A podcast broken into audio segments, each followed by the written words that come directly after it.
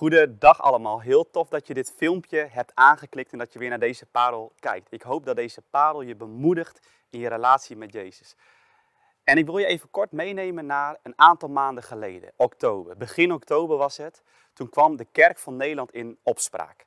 Want het was dus zo dat de kerk in Staphorst samenkomsten uh, organiseerde met meer dan 600 mensen, ongeveer 600 mensen. En het was zo dat heel Nederland dacht van hoe kan je dat nou als kerk gaan doen in deze tijd?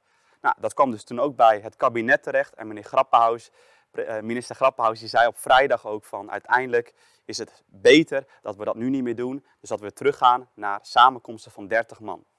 En ik weet nog dat ik heel gefrustreerd op de bank zat en dacht, kak, hebben we net als Stadskerk een mooi plan bedacht dat we weer samen kunnen komen met communities, dat we twee diensten weer gaan houden en dat we toch weer op die manier samen God kunnen aanbidden en naar het woord kunnen luisteren en elkaar weer enigszins kunnen ontmoeten. Ik had daar zo'n zo'n groot verlangen en zoveel zin in, maar uiteindelijk kon dat feestje niet doorgaan. En ik zat op mijn mobiel, ik stond op het punt om op Instagram een story te posten waarin ik wilde afgeven op de kerk van Staphorst.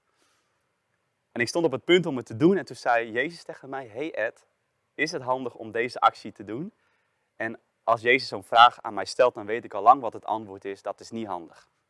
Want uiteindelijk weet ik ook dat het niet meehelpt aan het bouwen van de eenheid van het lichaam van Christus in Nederland. En over dat thema eenheid wil ik het ook met jullie gaan hebben. Het is een belangrijk thema in mijn leven, eenheid. Uh, ik heb een Indonesische vader en een Nederlandse moeder. Dat zijn twee verschillende culturen. En in mijn gezin kwam dat ook altijd heel mooi samen. Dus dat was altijd al wel een thema waar ik mee bezig was. Maar ook in de afgelopen tijd heeft Jezus daar veel over gesproken. En kwam ik ook bij het boek Efeze uit. Efeze is een boek waarin Paulus ook een gemeente toespreekt. En in Efeze was uh, in die tijd waren er veel verschillende kerken, veel verschillende stromingen. En wat er aan de hand was, was dat er in die tijd ook heel veel verdeeldheid was tussen die verschillende stromingen en kerken.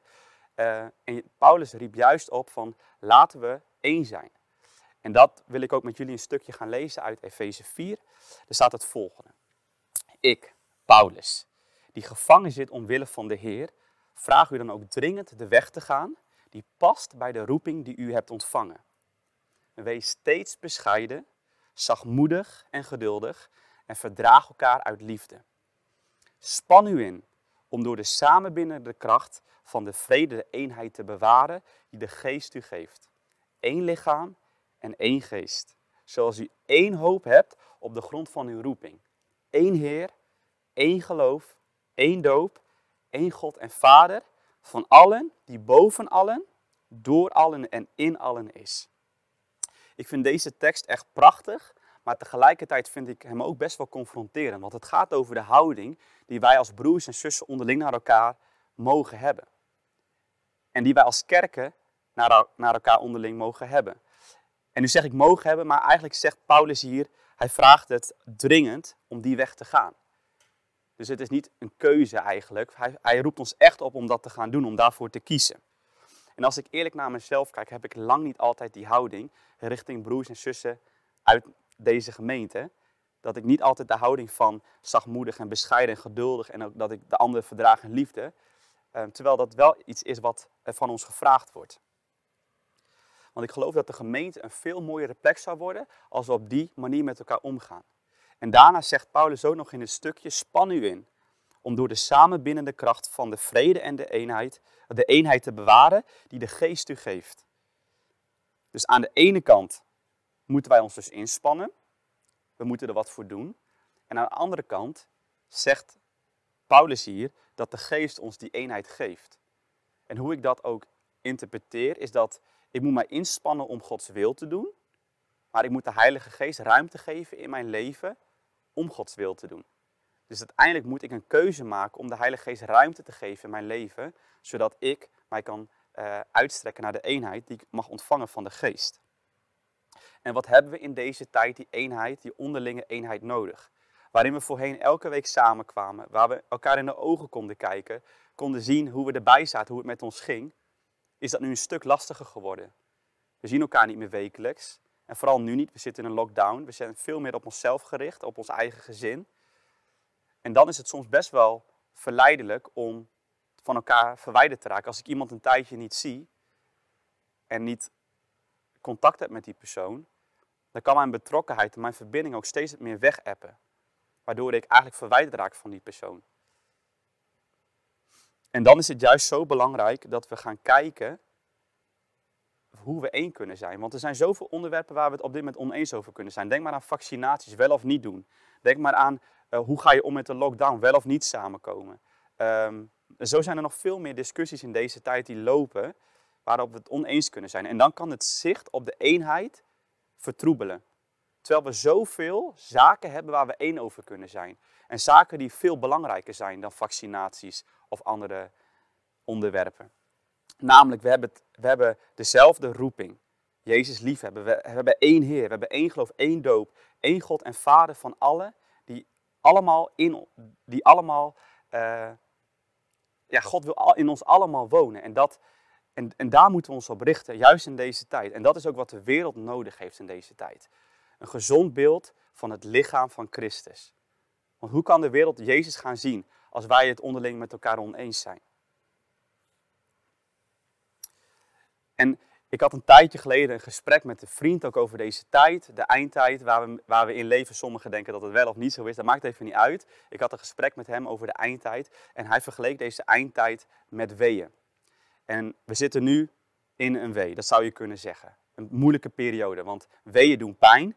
Ik kan niet uit ervaring spreken, maar ik heb van heel veel vrouwen gehoord dat het heel veel pijn doet. Dus we zitten in een, in een moeilijke periode, maar na een wee komt ook weer een rustige periode. En ik geloof ook echt dat God ons wil gebruiken in de periode die ook gaat komen, om Hemzelf te openbaren aan de wereld door middel van ons.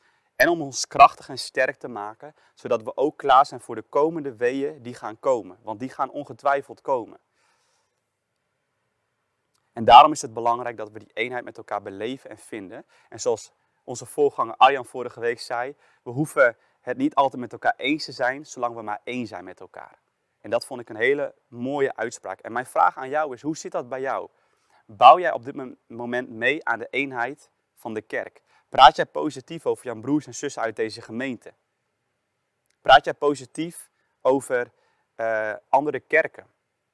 In Groningen of in het land? Bouw jij op of breek jij af? En ik zag ook vorige week een preek van Richard Wilkerson, dat is een Amerikaanse spreker. En die zei ook iets heel treffends. Hij zei, stel je voor dat de kerk vol zit met personen die precies zijn zoals jij. Die dus handelen zoals jij, die spreken zoals jij, die dezelfde houding hebben zoals jij. Wordt de kerk dan een mooiere plek of wordt de kerk dan een minder mooie plek? En ik vond die vraag heel treffend. Denk daar eens ook over na. Van als iedereen zo zou handelen zoals ik dat doe, wordt dan Jezus meer zichtbaar in ons land of minder zichtbaar? En laten we ook de komende week en misschien vandaag al gaan gebruiken om bezig te gaan met die vraag. Maak ik de kerk een mooiere plek of niet? En op die manier geloof ik dat we allemaal een verantwoordelijkheid hebben om te bouwen aan de eenheid van het lichaam van Christus. En dat is niet alleen de verantwoordelijkheid van de leiders, daar zijn we allemaal verantwoordelijk voor, omdat we allemaal onderdeel zijn van het lichaam van Christus. Dus jij ook. En ik geloof dat jij daarin ook iets heel moois kan betekenen voor het lichaam van Christus en daarmee ook voor de wereld. Dus Vader, op dit moment bid ik ook, openbaar ons wie u bent en ook wie wij zijn, Vader. En openbaar ons ook waarin wij ook bepaalde slechte gewoontes of manieren van spreken kunnen afleggen. En dat we uw geest ruimte kunnen geven in ons om te werken om de eenheid te bewaren en, en, en te vergroten zelfs. En wilt u daarin met ons aan de slag gaan, dat we een eerlijke spiegel voor ons mogen hebben, dat u dat bent, Heer. Zodat we ja, kunnen afleggen wat niet goed is dat we kunnen aannemen wat u wilt doen, Heer. Zegen ons daarin, Vader.